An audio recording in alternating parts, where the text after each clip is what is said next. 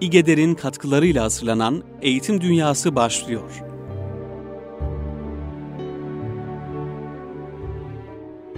Merhabalar kıymetli Erkam Radyo dinleyenleri. Eğitim Dünyası programında yine sizlerle birlikteyiz.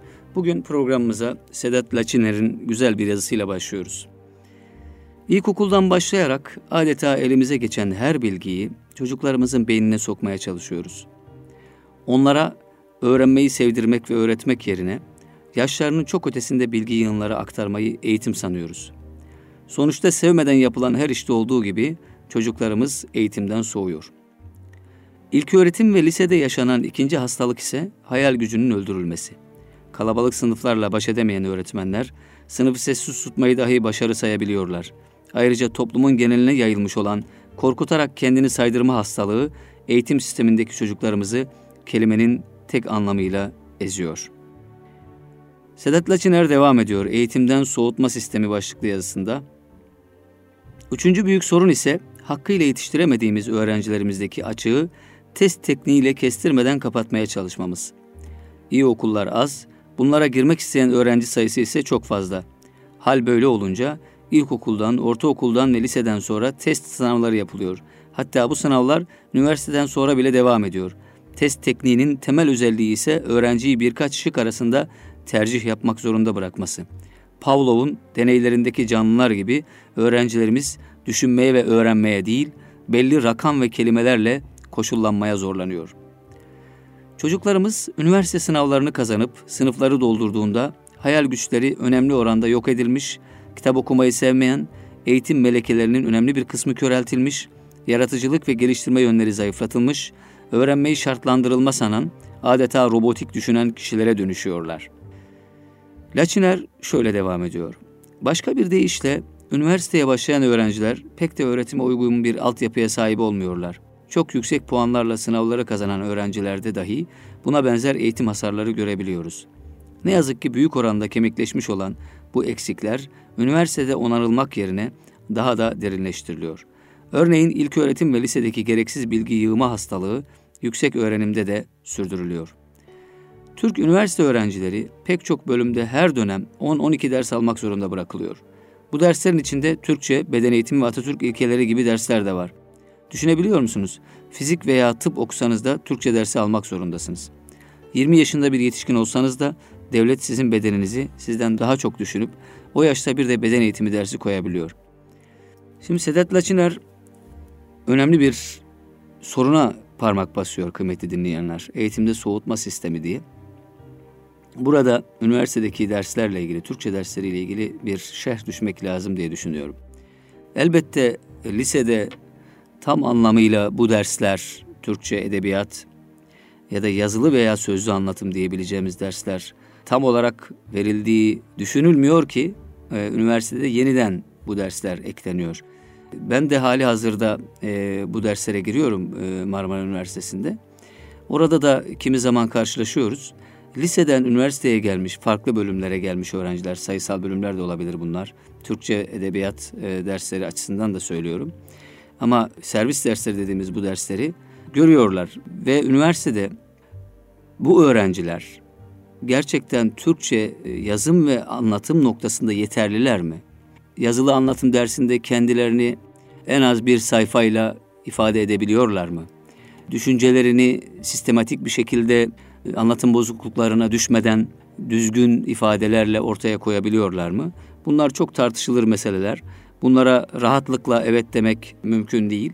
Bu nedenle aslında Türkçe dersinin üniversitede gerekli olduğu da yazılı anlatım ve sözlü anlatım noktasında gerekli olduğu da ortada. Fakat asıl e, vurgulamak istediği Sedat Laçiner'in çok fazla ders yüküyle öğrencilerin karşı karşıya bırakılması. Bu her dönemde ilkokulda da, ortaokulda da, lisede de, üniversitede de maalesef ülkemizde bu durum böyle. Peki diğer ülkelerde nasıl? Sedat Laçiner devam ediyor. Oysa İngiltere ve Amerika'da bizde bir dönemde alınan dersler neredeyse tüm üniversite eğitim boyunca veriliyor. Başka bir deyişle Batı üniversiteleri daha çok belli bir konuya odaklanırken bizim üniversitelerimizde yoğunlaşmadan ziyade abur cubur her bilgiyi öğrencinin beynine aktarma hastalığı var. Üniversite mezunu bir Türk'ün transkriptini incelerseniz onun bir değil de sanki birkaç üniversite bitirmişçesine çok ders aldığını görebilirsiniz.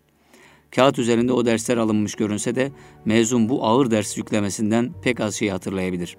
Uygulamanın çok az olduğu, etkileşimden ziyade ezbere dayalı aktarımlar dersin üzerinden daha birkaç ay geçmeden beyinden uçup gitmektedir.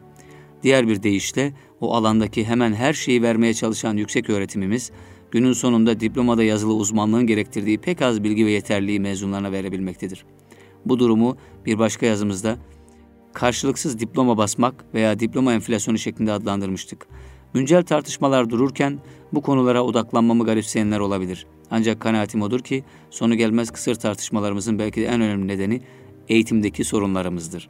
Tam son paragraf çok önemli bir noktaya temas ediyor. Bazı güncel konulardaki kısır tartışmaların oralardan belli hakikatlerin çıkarılamamasının nedeni belki de e, eğitimdeki bu ciddi sorunlardan kaynaklanıyor. Bu sorunlar halledilmeden Türkiye'nin genel meselelerinin halledilebileceğini düşünmüyoruz. Nurettin Topçu da eğitim meselesi üzerinde dururken bu meselenin halledilmemesi halinde devletteki yapılanmaların e, birçok yapılanmanın da sağlam olamayacağını vurgulamıştı bir yazısında. Evet, Sedat Laçiner'in yazısını paylaşmış olduk Eğitim Dünyası programında. Eğitimden soğutma sistemi yeri geldikçe eğitim yazılarına, köşe yazılarına e, programımızda yer vermeyi arzu ediyoruz. Kıymetli dinleyenler, şimdi farklı bir konuya temas edelim. Bugün eğitim dünyasında daldan dala konalım istiyorum. Farklı alanlara yönelelim istiyorum. Ve böyle bir mozaik oluşturayım istiyorum. Mehmet Dinç'in çok güzel bir yazısı var. Nurettin Topçu'nun Türkiye'nin Marif Davası eseri üzerine bir değerlendirme. Sedat Laçiler'in parmak bastığı asıl hastalıkların, asıl sorunun e, işaret edildiği bir nokta diyebiliriz. Eğitim üzerine Türkiye'de çok önemli e, ilkeler, kriterler koyan bir isim Nurettin Topçu. Mehmet Dinç de bu alanda e, bir güzel bir yazı kaleme almış. Bunu sadece duyurmuş oluyorum. Bir kısım paylaşmak istiyorum bu yazıdan. Bu yazı İtibar Dergisi'nin Şubat sayısında, son sayısında, 29. sayısında bulunuyor. Türkiye'nin Marif Davası kitabı 1960'ta basılmış olsa da tespitleri ve teklifleri açısından hızla değişen dünyamız için halen geçerliliğini ve önemini korumakta olan tespit ve tekliflerdir. Nitekim Türkiye'nin Marif Davası kitabından neredeyse takvim olarak 40 yıl sonra ancak değişim olarak belki 140 yıla tekabül edebilecek bir zaman sonra 1999 yılında basılan Edgar Morin'in Geleceğin Eğitimi için Gerekli Yedi Bilgi kitabı Topçu'nun müteaddit defalar tekrarladığı ve detaylandırdığı konuları birebir özetlemiş gibidir. Farklı zamanlarda, farklı kültürlerde, farklı kültürlerde yaşamış ve farklı inanç, altyapı ve geçmişlere sahip iki bilim insanının bu kadar birbirine paralel konuşması ve aynı tespitlerini farklı üsluplarla anlatması, Topçu'nun ne kadar zaman ve mekan üstü bir bilim insanı olduğunu göstermesi bakımından önemli bir işarettir. Topçu'nun Türkiye'nin Marif Davası isimli eseri ve paralelinde yazılmış diğer eserleri konuyla ilgili herkesin tekrar tekrar okuyup tartışması ve üzerinden yeni açılımlar getirmesi gereken çalışmalardır diyor Mehmet Dinç. Yazıyı e, bu itibarın bu ayki sayısında bu sayısında 29. sayıda Şubat sayısında bulabilirsiniz. Evet, Mora'nın Geleceğin Eğitimi için Gerekli Yedi Bilgi ve Nurettin Topçu'nun Türkiye'nin Marif Davası kitabını karşılaştırmalı okumasını yapıyor bu yazısında. Kıymetli dinleyenler, yine İtibar dergisinden paylaşmayı arzu ettiğim bir yazı var. Burada Fatih Andı'nın çok güzel yazıları yer alıyor. Ee, bir seri halinde. Daha önceki programda da bahsetmiştim.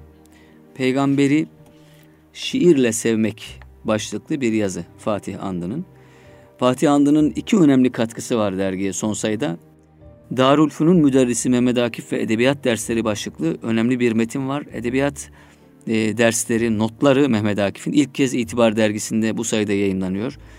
İtibarın bu sayısı o yüzden önemli. Ayrıca önemli diyelim. Ve e, Fatih Andı'nın Peygamberi şiirle sevmek başlıklı yazısı çok dikkat çekici. Onu paylaşmak istiyorum. E, modern diyebileceğimiz yani modern e, şiirde peygambere duyulan sevgiyi e, nasıl şairler nasıl ifade ediyorlar? Hani divan şiiri ve halk şiiri haricinde modern şiirde peygamber sevgisi nasıl ele alınıyor? Önemli bir metin. Sözü yormadan derdi anlatmak başlıklı yazı. Onu paylaşmak istiyorum müsaadenizle. Bu yazıda İbrahim Tenekeci'nin Sözü Yormadan isimli şiirini şerh ediyor Fatih Andı. Eskiler şiir söylemeyi, edebiyat yapmayı, söz meydanına atılma olarak nitelerlerdi.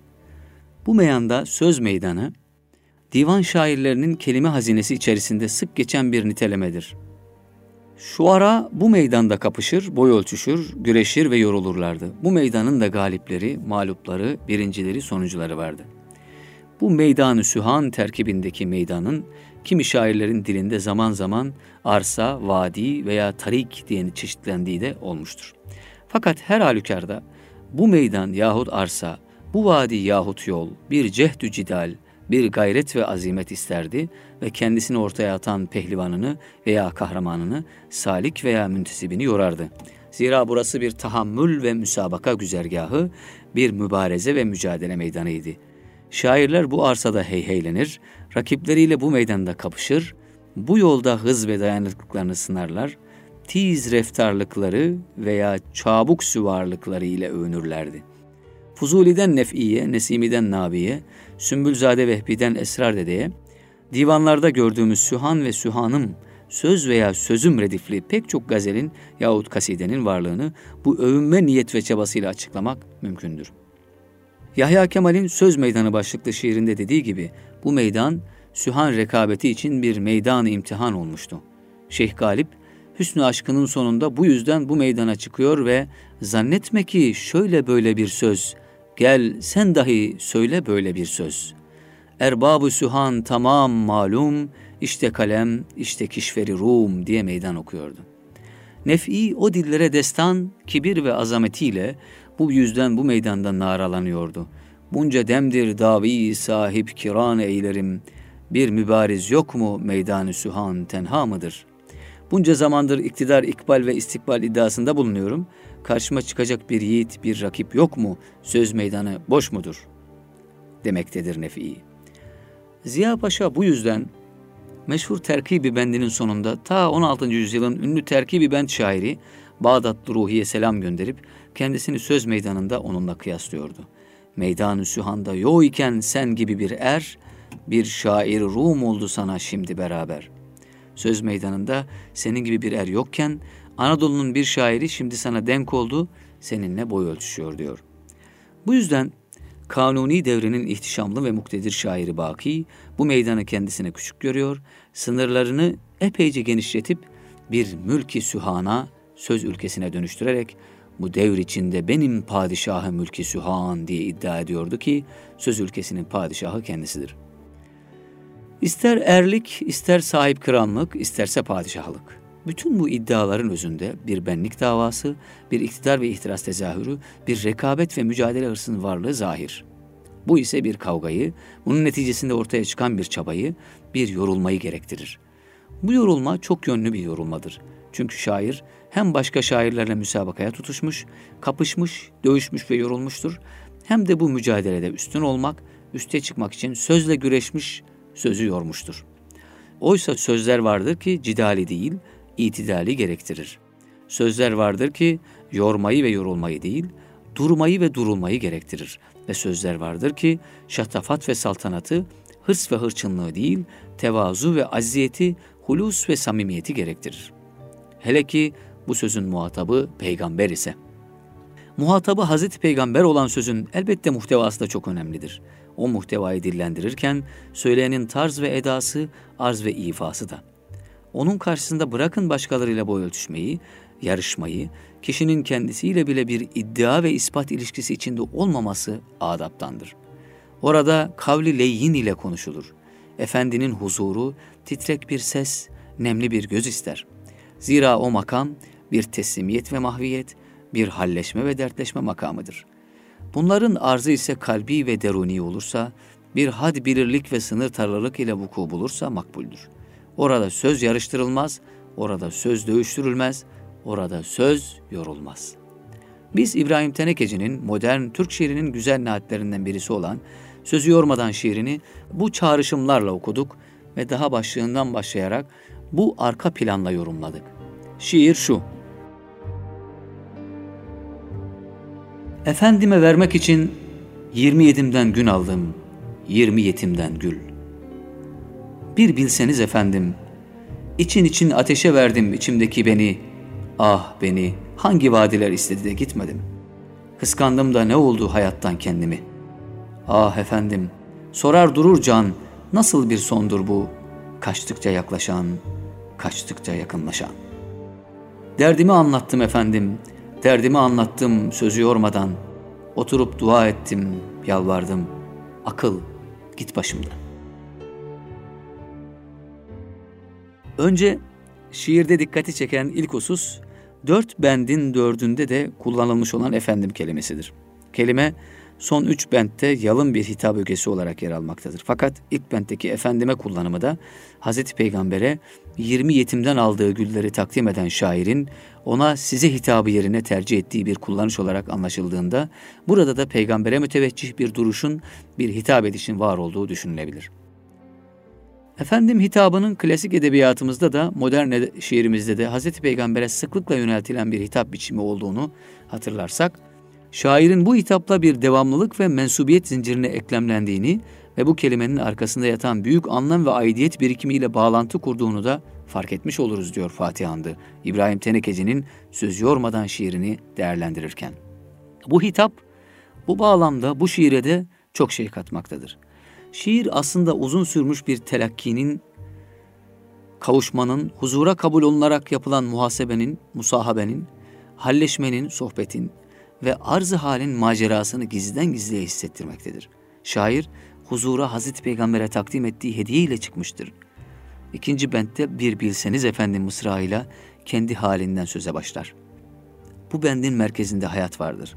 Bu bent sanki uzun uzadıya efendiye arz edilen bir hayat macerasının sonundaki muhasebenin özü ve özetidir. Üçüncü bentteki odak kavram ölümdür. Bunu bize veren kelime ise sondur. Son yani ölüm. Can'ın sürekli sorup durduğu bu sonu şair efendiye de hem bir aktarma hem bir dolaylı soru olarak arz eder. Dördüncü bend ise bu bağlamda bu uzun uzadıya arz ediş sonrasında adeta bir toparlayış ve toparlanış, bir vakit alma ve baş ağrıtma özrü gibidir. Bu bendin bilhassa ilk iki mısrağı bu yorumumuzu kolaylaştırmaktadır. Arka plandaki bir gizli vaka sürecini bu şekildeki özetleyiş çabamız çerçevesinde diyebiliriz ki, şiirde bir musahabe fakat bu musahabe içerisinde de bir muhasebe niteliği mevcuttur. Şair efendinin huzurunda hayattan ölüme bütün bir varoluş sürecinin muhasebesinin ipuçlarını bize hissettirir. Nitekim ikinci ve üçüncü yani hayat ve ölüm sorgusunu içeren bentlerdeki ahlar ve soru cümleleri böylesi bir muhasebenin yankısı olarak dikkatimizi çekmelidir. Sözü üsluba getirmişken şiirin bilhassa bir bilseniz efendim, ah beni hangi vadiler istedi de gitmedim, oturup dua ettim yalvardım gibi mısralarında kendisini daha iyi açık eden bir sohbet üslubundan da bahsedilebilir ki bu mısralar metnin samimiyet edasını da pekiştiren söyleyişlerdir. Yukarıda da söyledik. Şair peygamberin huzuruna hediyesiyle çıkıyor. Efendime vermek için 20 yetimden gün aldım, 20 yetimden gül. Verilen bu hediye iki türlüdür diye devam ediyor Fatih Andı. Şiirin şerhine, İbrahim Tenekeci'nin sözü yormadan şiirinin şerhine. Erkam Radyo'da eğitim dünyasına Fatih Andı'nın şiir şerhiyle devam ediyoruz. Kıymetli dinleyenler, İbrahim Tenekeci'nin sözü yormadan şiirini şerh ediyor İtibar Dergisi Şubat sayısında. Efendime vermek için 20 yetimden gün aldım, 20 yetimden gül. Verilen bu hediye iki türlüdür. Şairin 27 yaşının gençliği ve 20 yetimden alınan gül demeti. Hediyelerin mahiyeti göz önünde bulundurulduğunda birinci mısradaki vermek fiiline iki ayrı anlam yükleyebiliriz. Şair Hazreti Peygamber'e bir demet gül getirmiş ve onu vermiştir yani sunmuştur. Fakat yanı sıra 27 yaşının oluşturduğu bir ömrü de getirmiştir ve onu efendiye adamak anlamında vermiştir. İkisi de sunuştur ama ikincisinde bir adamak, feda etmek, uğruna vakfetmek, niyet ve kastı içkindir. Ancak klasik şiirimizin cinası nakıs dediği bir söz sanatına başvurularak sayılan bu iki hediyeden 20 yetimden alınan gül hediyesi de muhatabı düşünüldüğünde öbür kadar incelikli ve büyüktür. Zira bu mısrağın arka planında hem Hz. Peygamber'in yetim oluşuna bir telmih vardır hem de İslam inancında yetimliğin nasıl üzerine titrenilen hassas bir konu olduğuna, yetimlerin hukukuna riayetin bütün bir ümmet üzerine nasıl bir vebal olarak yüklendiğine, her yetimin merhamet, şefkat ve siyanet duyguları ve hassasiyetlerini rikkat ile üzerinde toplayan bir masum olarak peygamberin hayatından küçücük de olsa bir kıvılcımı bize taşıdığına dair gizli aşikar bir atıf da mevcuttur. Bu atıf ve telmihlerle birlikte yetimlik bir de bütün Müslüman edebiyatlarda Hz. Peygamber'in sembolü olarak işlene gelmiş olan gül ile birleşince 20 yetimden alınan gülün değeri gözümüzde daha bir pekişmelidir. Hatta sözü yormaktan kaçınmazsak yetim kelimesinin nüansları üzerinde yürüyüp yine klasik şiirimizin dürri yetimine yani eşsiz iri ve tek inci terkibine kadar uzanabilir ve Mısra'daki yetim güllerinin eşsiz nadide iri güller diye de bir çağrışım katmanlaşmasını ve yorum imkanını bize verebildiğini söyleyebiliriz bile. Böylesi bir hediye takdiminden sonra ikinci bentte şairin arz hali ve bu arz hal ile birlikte gelişen muhasebesi başlar. Bu bendin için için ateşe verdim içimdeki beni, ah beni hangi vadiler istedi de gitmedim mısraları bizi tasavvufi bir zemine doğru çekip götürmektedir. İçin için tutuşturduğu deruni ateşle içindeki beni yakıp yok eden, kendisini isteyen vadilerin davetine sırtını dönerek gitmeyen bir insan bizde bu izlenimi uyandırmaktadır. Burada bu vadilerin ne vadileri olduğu önem kazanıyor. Vadi metaforu Müslüman edebiyatlarda çok sık kullanılır. Belki de bunun sebebi vadinin bir mekan olarak Kur'an-ı Kerim'deki Hz. İbrahim, Hz. Musa, Hz. Süleyman ve Semud kavmine ait kıssaların anlatıldığı ayetlerde de sık sık geçiyor olmasıdır. Hz. Musa'nın yürüdüğü mukaddes Tuva Vadisi, Vadi Eymen gibi müspet bağlamda anlamların dışında bu ayetlerin çoğunda vadi, dünyeviliği ve dünya sevgisini yüklenen bir teşbih veya tasvir unsuru olarak da yer almaktadır. Semud kavmi vadilerdeki kayalıklara oyarak yaptıkları görkemli binalarla gururlanarak azmışlardır. Şuara suresinde iman edip salih ameller işleyen şairler övülürken, dünya heveslerine yönelmiş olanlarsa her vadide ifrata gömülmüş olmakla vasfedilirler. Hz. Peygamber de bir hadisi şerifinde insanoğlunun bir vadi dolusu altını olsa bir vadi daha ister. Onun gözünü topraktan başka bir şey doyurmaz buyurur ki aslında burada da vadi dünyalık hırsının ve dünyaya ait olmanın bir ölçüsüdür. Maşallah. Fatih Andı çok güzel, çok etraflı değerlendiriyor şiiri. Ben okudukça hayrete gark oluyorum. E, şiiri bu gözle okuduğumuzda çok daha farklı bir pencereden bakmış oluyoruz. Şiirdeki aslında e, İbrahim Tenekeci'nin genel şiir havasında bir sadelik, böyle sözü yormadanlık vardır. Ama şiirin derinliğine girdiğimizde nasıl eski edebiyatımızda geleneğimize göndermeler olduğunu hayretle görmekteyiz. Bu da e, İbrahim Tenekeci'nin şairliğinin, şairliğinin derinliğinin ayrı bir ispatı. Bununla birlikte Vadi'nin Leyla ve Mecnun, Hüsnü Aşk gibi divan şiirinin tasavvufi muhtevalı mesnevilerinde de önemli ve sembolik yorumlara müsait bir mekan unsuru sıfatıyla yer aldığı ve hele bizim şairlerimize epey tesir etmiş bir mutasavvuf şair olarak Feridüddin Attar'ın tasavvufun seyr sülük merhalelerini alegorik bir anlatımla açıkladığı Mantıkut Tayris'in mesnevisinde Hütüt'ün kılavuzluğundaki 30 kuşun simurgu bulmak için yaptıkları seyahatin menzilleri olarak yedi vadinin uzun uzadıya tasviriyle tarif edildiğini de hatırlarsak bu vadi metaforunun nasıl zengin ve farklı yorumlara müsait bir motif olarak İslami literatürde yer aldığını görmüş oluruz. Oturup dua ettim, derdimi anlattım efendim, derdimi anlattım sözü yormadan. Oturup dua ettim, yalvardım, akıl git başımdan. Yazının bir kısmını atlayarak geçiyorum. Vaktimiz sınırlı olduğu için kıymetli dinleyenler. Ama tamamını okumak isteyenler itibarın son sayısını edinebilirler. Diyor ki buradaki tekrarda önceki gibi hem bir tekit içermektedir hem de sanki bir özür ve samimiyet beyanı yüklenmektedir. Bu yönüyle de şiirin lirik atmosferine katkısından söz edebiliriz. Dert söyletir, şair de derdini söylemiştir şiir boyunca ama bunu muhatabının idrak ve ferasetine duyduğu güvenle sözü yormadan yapmak amacındadır. Çünkü muhatap Hazreti Peygamber aleyhissalatü vesselam'dır. Sözün bittiği yerde ise dua ve tazarru başlamıştır. Oturup dua ettim, yalvardım. Akıl git başımdan. Yapılan dua ve tazarrunun müzmeri akıl, istikameti akıldan kurtulma üzerinedir. Akıl ve dert, aşk ve akıl. Tasavvuf öğretide ilk ikisi uyuşma, bağdaşıklık, tesahup, son ikisi de zıtlaşma, aykırılık, tenafür ilişkisiyle yan yana gelir. Bunun içindir ki divan şairi bilhassa ilahi aşkı tasavvufi anlamıyla derdi anlatırken aklı hep küçümsemiş, ondan kurtulmak istemiştir. İbrahim Tenekeci gibi. Burada son bir e, İzzet Molla'nın ifadesiyle şairin şiirine bir duygudaşlık ortaya koyuyor e, Fatih Andı. İzzet Molla, akıl git başımdan diyor İbrahim Tenekeci. İzzet Molla da bir hakkı Hazreti Mecnun izale eyleye hak. Serimde derdi hıretten biraz eser kaldı. Başımda akıl derdinden birazcık eser kaldı. Hazreti Mecnun'un hakkı için Hak Teala onu da yok etsin diyor İzzet Molla. İbrahim Tenekeci de akıl git başımdan duasıyla İzzet Molla'nın duasına eşlik ediyor diyoruz. Fatih Andı sözü yormadan şiirini çok enfes bir şerhle şerh etmiş İtibar Dergisi son sayısında 29. sayısında.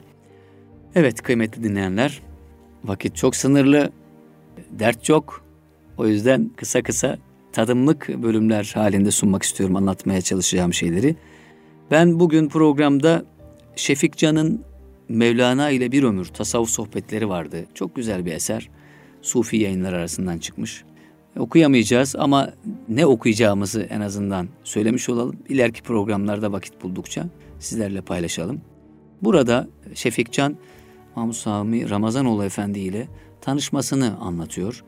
O tanışmadaki etkileşimi anlatıyor. Ondan nasıl istifade ettiğini anlatıyor. Önemli bir metin. Onu ileriki programlarda paylaşma arzusundayım. Mustafa Özel'in Niteliğin Egemenliği isimli güzel bir kitabı vardır. İklim yayınları arasında çıkmıştı ilk Niteliğin Egemenliği. Orada elbise duası diye bir yazı var. O da garip. Çok dikkatimizi çekmeyen, hayatın aslında güzellikler ayrıntılarda gizli. O ayrıntıları, o güzellikleri keşfetmiş bu yazıda. Yağmur duasına istihfaf ve şaşkınlıkla yaklaşanlar elbise duası karşısında nasıl duygulara kapılırlar bilemem. Bildiğim duaya kapanan hayatın trajediye açıldığıdır. İfadeye bakar mısınız?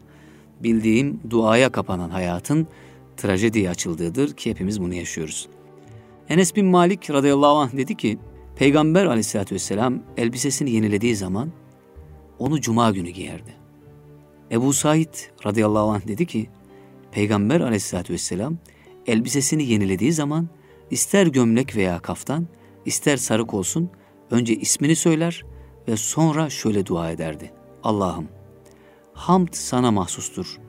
Bunu bana sen giydirdin. Onun hayrını ve ne için yapılmışsa onun da hayrını senden niyaz ederim. Onun şerrinden ve ne için yapılmışsa onun da şerrinden sana sığınırım. Yani peygamberi incelik, yaşamak bu aslında. Mustafa Özel devam ediyor.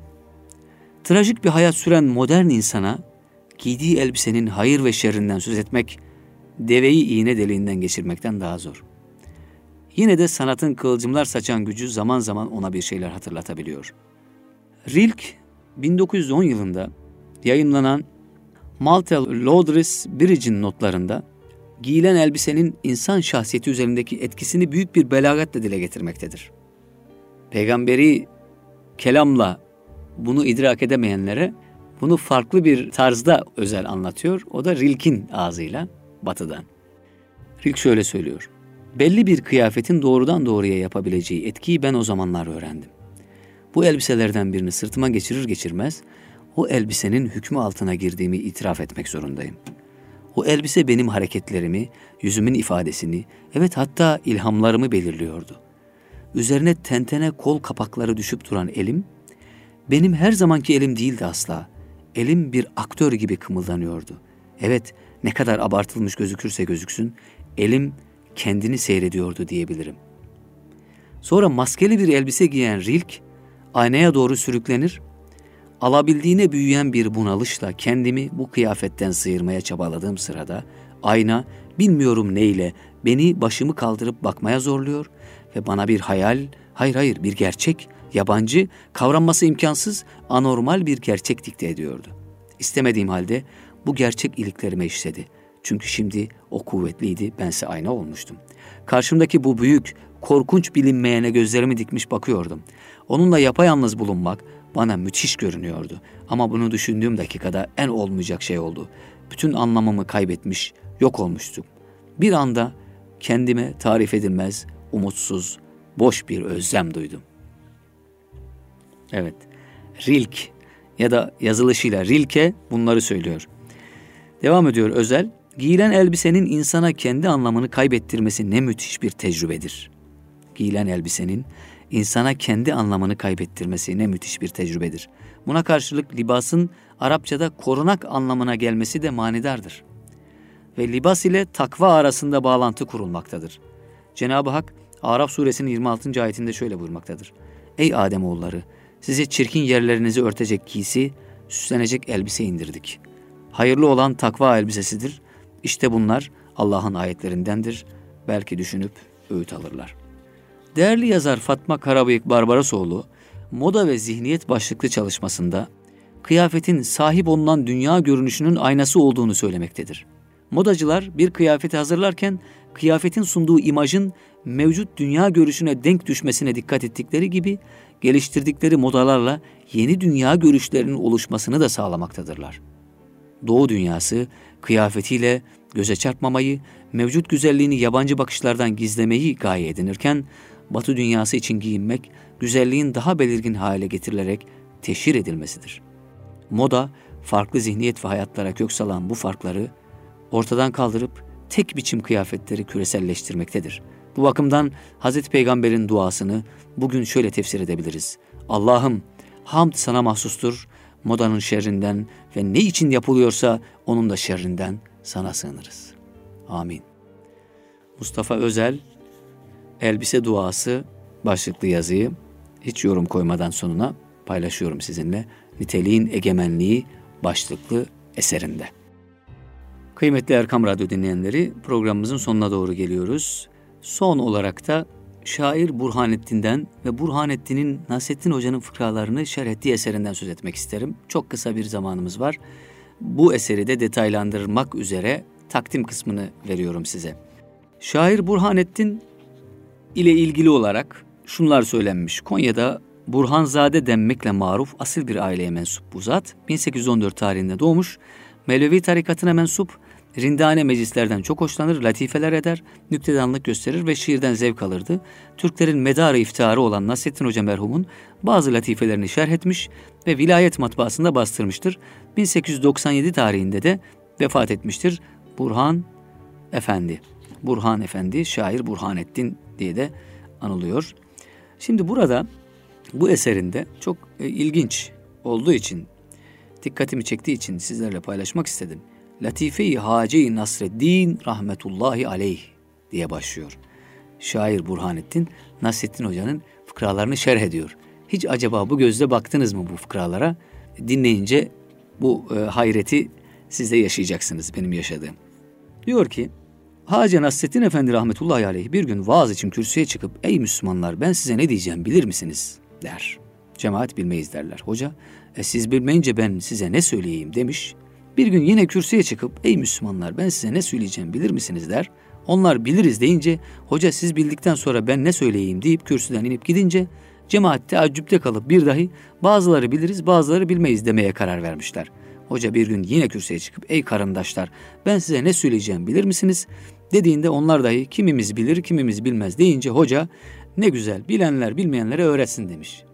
Yani şimdi şair Burhanettin önce fıkrayı veriyor daha sonra latifeyi veriyor daha sonra yani diye şerhe girişiyor. Nasrettin Hoca işaret buyurmuşlardı ki sizler şöyle bilmelisiniz vaaz iki türlüdür. Biri söyler vaaz, biri söylemez vaaz. Söyler vaazdan söylemez vaaz müessirdir. Varın gasl kürsüsüne çıkmış, mevta lisanı haliyle size ne nasihat eder?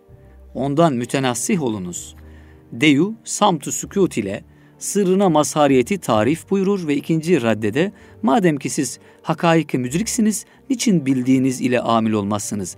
Ben ne söylesem tesir etmeyecek. Öyle olunca el akilü la yetekellem illa fil hacet mefhumunca bilginiz ile amil olup amellerinizi tasih edin, tatvili kelam lazım değil demek isterler. Üçüncü merrede alim olanlarda amel olmadıkça vaaz ve nasihat tesir etmez, bir mürşidi kamil bulup bilmediğinizi öğrenip bilmeyenleri dahi irşad edin demeyi murat buyururlar diyor. Evet, bir gün hoca ey Müslümanlar Hak Teala'ya şükredin ki deveye kanat vermemiş. Eğer vermiş olaydı evlerinize veyahut bahçelerinize konarak başlarınıza yıkardı demiş. Yani Hak Teala'nın azamet ve ihsanını müşahede edin. Her kuluna mal ve mansıp vermediğine teşekkür edin. Zira herkesin kabiliyetine göre ihsan olunur. Bila kabiliyeti ihsan aynı deveye kanat verildiğinde dönüp hem dal ve hem mudil olurdunuz diyor. Mal ve mansıp yaraşmaz kimselerin hallerine teşekkürde bulunmalarını ima buyururlar. Evet. Yine bakalım bir gece rüyasında hocaya dokuz akçe vermişler. Son fıkrayı okuyorum.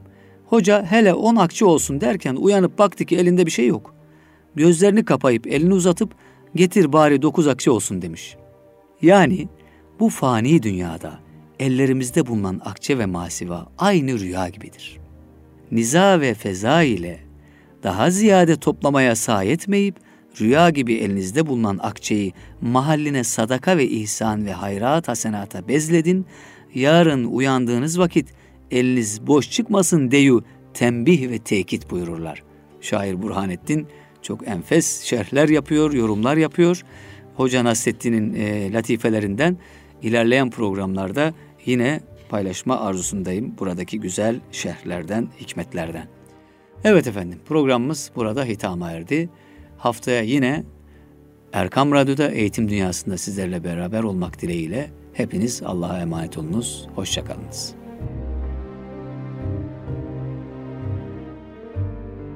İgeder'in katkılarıyla yayına hazırlanan Sayit Yavuz'la Eğitim Dünyası programını dinlediniz.